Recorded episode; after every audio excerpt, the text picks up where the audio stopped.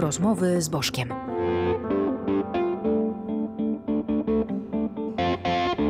Nazywam się Jacek Bożek. Jestem liderem i założycielem klubu Gaja. Wspólnie z gośćmi staram się zrozumieć zmieniający się świat.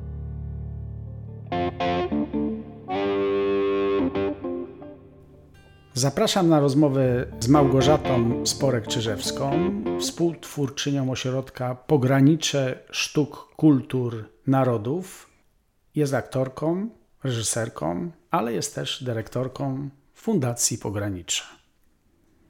No to powiedziałem o tobie, Małgorzato.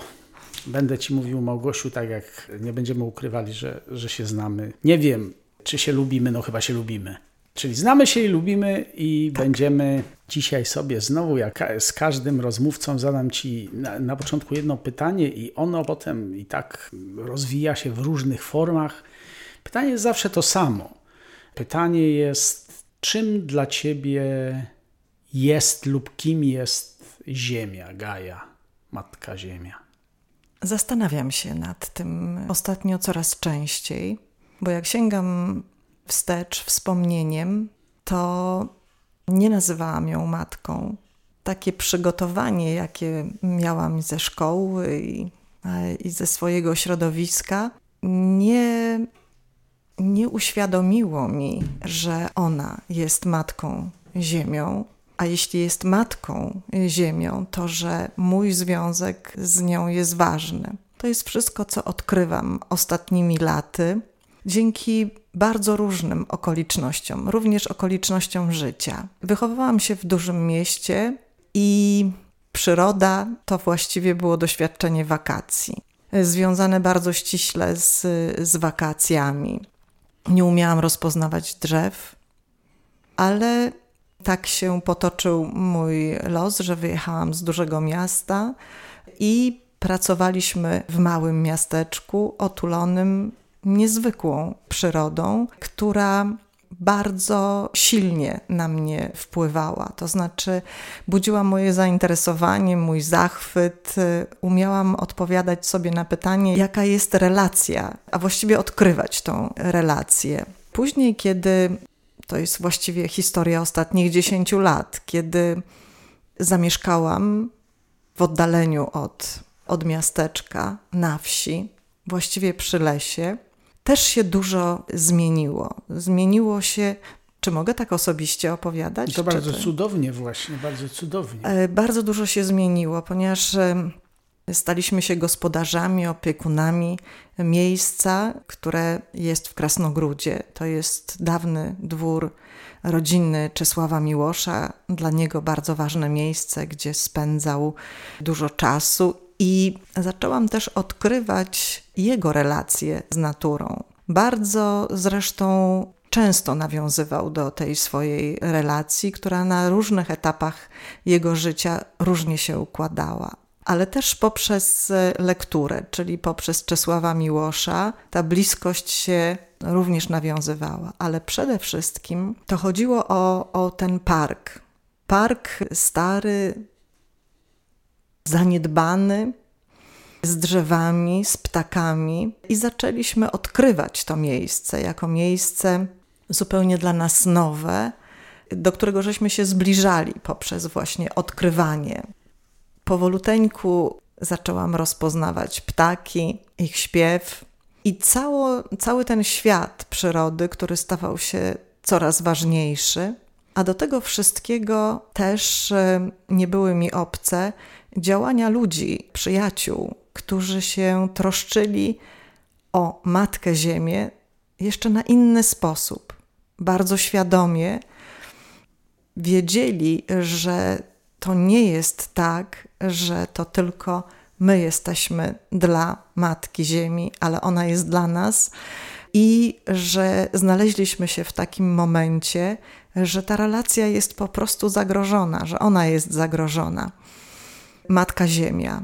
No i ta więź właściwie zaczęła się budować, a właściwie zaczęliśmy nadrabiać coś, co nie było nam dane wcześniej. I zobaczyliśmy, że, że to jest, że nie jesteśmy że nie jestem. Będę mówiła w no właśnie, w to, pierwszej osobie, że nie jestem. To jest fajne u Ciebie, zawsze mówisz jesteśmy, to jest takie wspólnotowe. Mnie się to bardzo podoba, więc mnie to nie przeszkadza.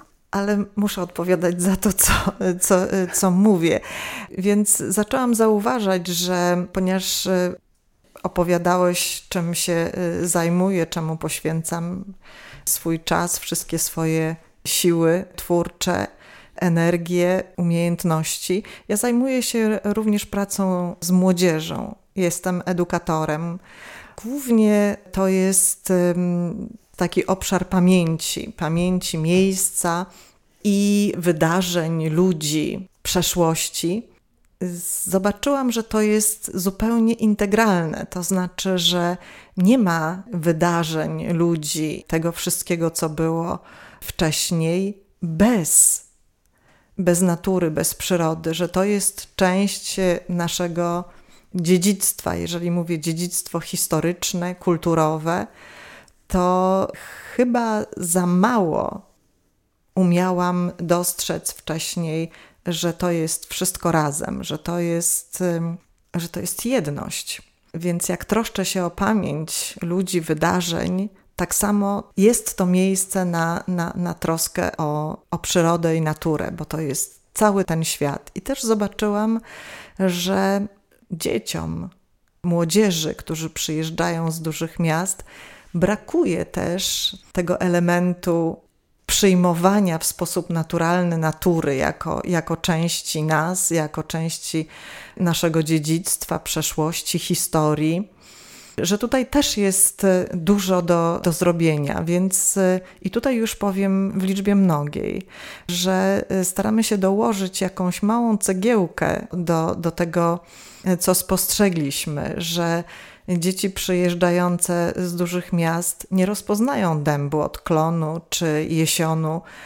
I oczywiście zwrócenie uwagi na to jest już czymś, co buduje ich obraz świata trochę inaczej, czy uzupełnia.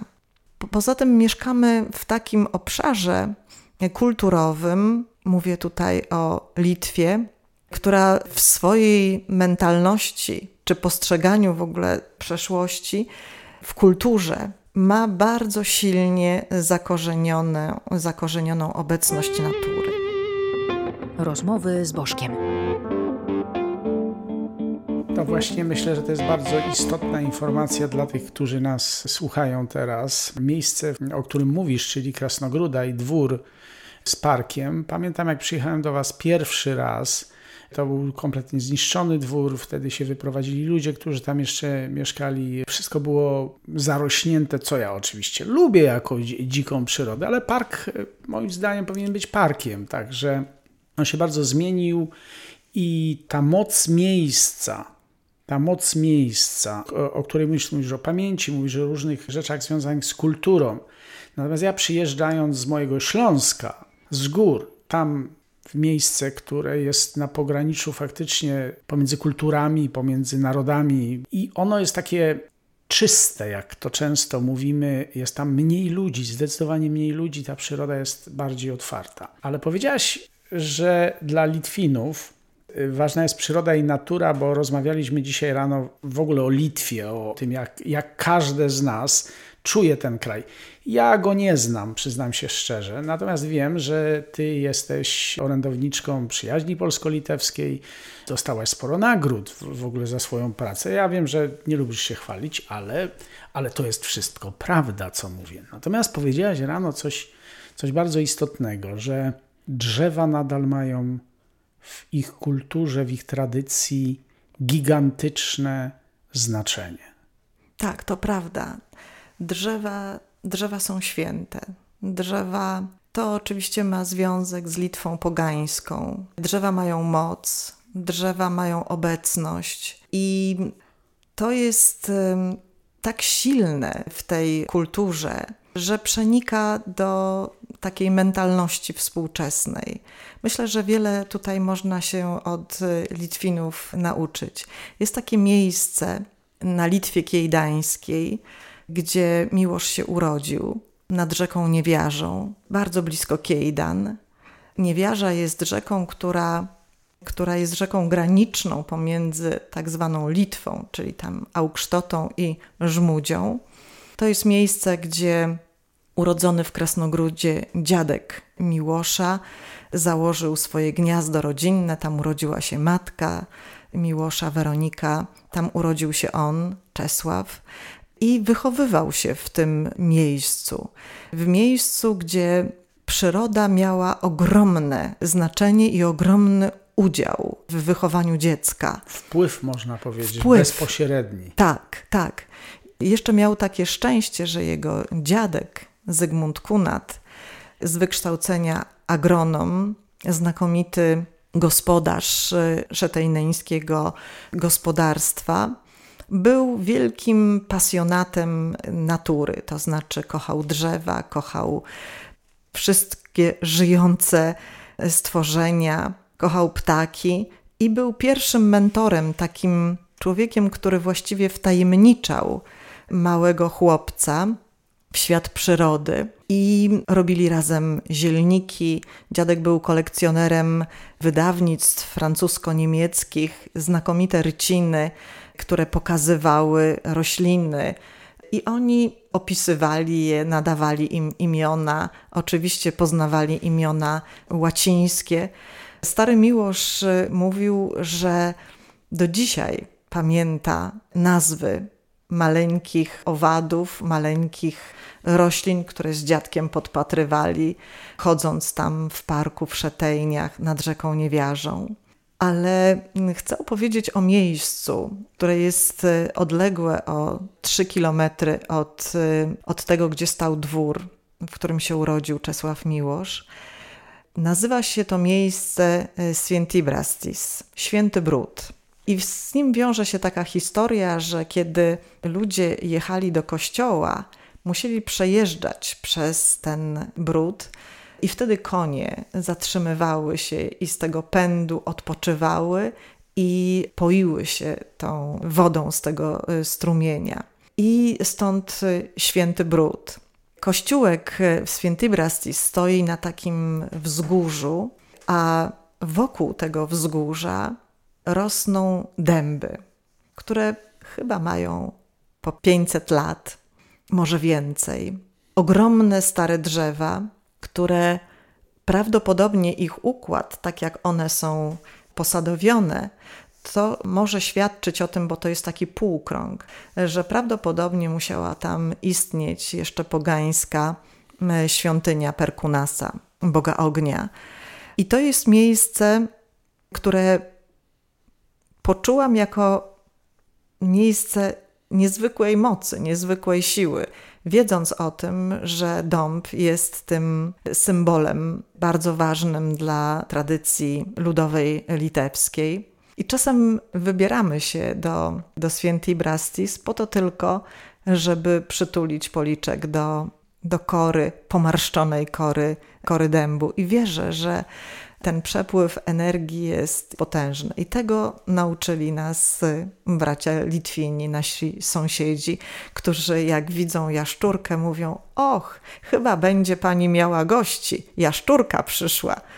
I tak dalej, i tak dalej. Wiele jest takich elementów, że to wszystko jest po prostu, ma swoje miejsce w życiu i jest taką głęboką tradycją. Rozmowy z Bożkiem. Słuchając Cię, Małgosiu, i tej opowieści, w szczególności o tych dębach i kręgu, być może świętym kręgu, przychodzą mi na myśl moje różne podróże i przyjaciele, którzy prowadzili mnie do lasów. Prowadzili mnie do świętych drzew w różnych miejscach na świecie, czy to w Australii, czy w Ameryce Północnej. Tam są wspaniałe lasy deszczowe, cudowne drzewa. I zwykle jak myślę o drzewach, przypomina mi się Japonia. Japonia, która jest niezwykle nowoczesnym krajem, ale codziennie rano, także potem już wychodziłem, żeby to się temu przyglądać. Przed tymi niezwykłymi drzewami Japończycy zapalają świeczki, dają jakieś prezenty duchowi drzewa, duchowi miejsca. Co pomyślałem, no to jest dosyć fajne, jeśli w tej nowoczesności czy nawet post nowoczesności ludzie utrzymują taki bliski związek z naturą. I twoja opowieść, która zaczyna się w mieście, chyba w Poznaniu, tak? Ty się w Warszawie. W Warszawie. No. Ta twoja opowieść, która zaczyna się w Warszawie, czyli w dużym mieście i idzie w kierunku świętego okręgu dębów. Co, jak myślisz, spowodowało, gdzie były korzenie tego, czy w teatrze, czy w poezji, czy w dotykaniu tych przestrzeni, o których mówisz, że teraz ciągnie cię w te miejsca, gdzie te dęby są święte? Myślę, że to chyba wszystko razem. To i ludzie spotykani, i stare baśnie, gdzie, gdzie natura miała swoją postać. Teraz dużo obcuję z baśniami, z małą dziewczynką, naszą wnuczką, która to wszystko czuje jako, jako całość. To znaczy, jej bohaterami mogą być i ludzie, i zwierzęta, i siły nadprzyrodzone, i, i anioły. I ona w tym świecie żyje, zagłębiona. Myślę, że i ja to miałam w czasie dzieciństwa, a potem mój ojciec opowiadał mi taką baśń o chłopcu, który wyruszył w daleką drogę, poszedł w świat, ale była w nim potężna tęsknota do domu. Chciał po prostu odwiedzić swoją matkę. I kiedy przyszedł już po wielu, wielu latach z tej swojej wędrówki, zastał już pustą chatę, i wtedy, i mój tata opowiadał to tak, tak pięknie, E, że rośliny, które zarastały już ten dom, zaczęły oplatać go, przytulać, a jednocześnie też ranić. I mówiły mu: Opuściłeś, nie było ciebie, spóźniłeś się. I pamiętam, że to jest taka baśń, która, taka opowieść, która często do mnie wraca. I i powoduje, że, że rzeczywiście otwierają się pewne możliwości, które w tym zabieganiu, krzątaninie po prostu umknęły mi chyba. Ale te rośliny, które tak go oplatają, mają swoje życie, mają swój przekaz, mają swoją postać. I ta baśń też wraca do mnie w ten sposób, Chyba nie jest to odpowiedź na to pytanie, które zadałeś, jak to się zmieniło i dlaczego to się zmieniło. Myślę, że to ma, to jest po prostu taki proces, kiedy człowiek dojrzewa i daje sobie szansę na to, na to dojrzewanie. I dzięki temu pewne obszary, które gdzieś się zgubiły po drodze, mogą mieć szansę do nas docierać. I przejmuje mnie bardzo, że wiele spraw, o które teraz się tak troszczymy, trochę w popłochu, bo tak bardzo późno się zrobiło, że trzeba szybko coś robić, nie wiadomo co, że są ludzie, którzy mają za sobą jakąś drogę w tym i Oglądam też y, wiele znakomitych filmów, które gdzieś się też podziały po drodze. Ta opowieść o, o zmieniającym się świecie Attenborougha, myślę, że jest taką naprawdę niezwykłą lekcją, bardzo nieinwazyjną, nie taką dydaktyczną, ale taką wpływającą na to, że jednak nasz udział w tym, co dzieje się dobrego i złego na tym świecie, jest niemały. Rozmowy z Bożkiem. No to piękna opowieść i zaraz przypomina mi się, miałem nie wiem, trzy, może cztery latka, może pięć. Ja byłem bardzo chorym dzieckiem, dużo spędzałem czasu w łóżku, w szpitalu i pewnego dnia, nie chcę całej historii opowiadać, zobaczyłem muchę.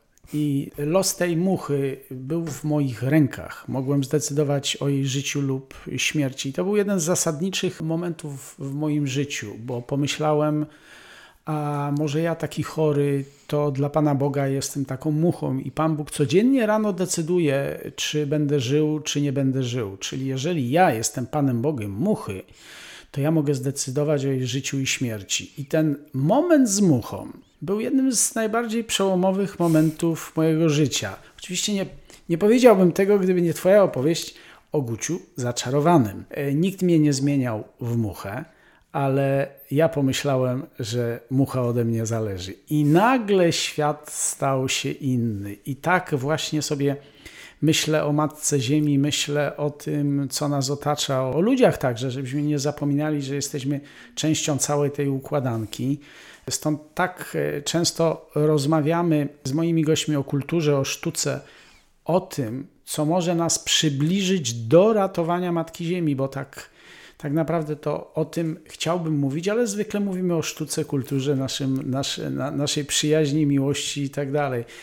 Jaki pierwszy krok i ostatni, bo zbliżamy się powoli do końca tej, tej naszej rozmowy. Co ty byś powiedziała? Co możemy zrobić, żeby, żeby tej, tej ziemi, tej naszej matce, tej Gai było o tyle lepiej, żeby dbała nadal o nas, żeby nas po prostu nie opuściła? Ja nie mogę się mądrzyć, co należy zrobić. Wydaje mi się, że to jest ważne, żeby los tak nas prowadził jak ciebie do tej muchy, czy mnie do tych dębów, żebyśmy mieli szansę na to, żeby się zmienić w tym myśleniu, że tylko my tutaj jesteśmy ważni na tej ziemi i nic innego się nie liczy. Mówię o takiej naszej cywilizacji, tej cywilizacji, która taka jest ekspansywna, tak bardzo w centrum stawia nasze potrzeby, nasze wygody i nasze pragnienia, które nam się wydają najważniejsze. Myślę, że rzeczywiście ten krok byłby ważny dla Matki Ziemi, gdybyśmy my mieli szansę zmienić troszkę perspektywy. I to na różne sposoby. To znaczy, spotykając ludzi, którzy potrafią nas uwrażliwić na to, spotykając sytuacje, miejsca, myśląc o swoich dzieciach, wnukach, szukając w sobie i, i interesując się tym, że przecież skoro naukowcy nas ostrzegają, to należy to przyjąć do serca i po prostu szukać w swoich małych działaniach tego, co jest jakimś maleńkim krokiem. Ja mam wokół siebie młodych sąsiadów, ludzi młodych, którzy taką troskę naprawdę wykazują. W pewnym momencie przyszli do mnie i mówią: Małgosia, a wiesz, że jest fantastyczny płyn do prania ekologiczny, który możesz zamienić proszek do prania na ten płyn. Ten płyn, jak będzie spływał do ziemi, to nie będzie jej truł. I to wyrzuciłam wszystkie proszki. To było dobre. To było Wyrzuciłam dobre. wszystkie proszki. Małgosiu, po Twojej opowieści czuję się dzisiaj jak Jacek zaczarowany. e, taka była to czarująca opowieść. Bardzo Ci dziękuję za, za to spotkanie, za czas. No i trzymajmy się tych naszych opowieści. Trzymajmy się naszych dębów policzkiem. Wszystkiego dobrego. Bardzo dziękuję. Dziękuję serdecznie. Dziękuję za wysłuchanie odcinka. Na następny zapraszam za dwa tygodnie. Podcast powstał dzięki wsparciu z dotacji programu Aktywni Obywatele Fundusz Krajowy finansowanego z funduszy EOG. Jeśli chcesz, ty też możesz wesprzeć rozmowy z Bożkiem dowolną wpłatą na serwisie Patronite. Fragmenty muzyczne Apostoli Zantymos.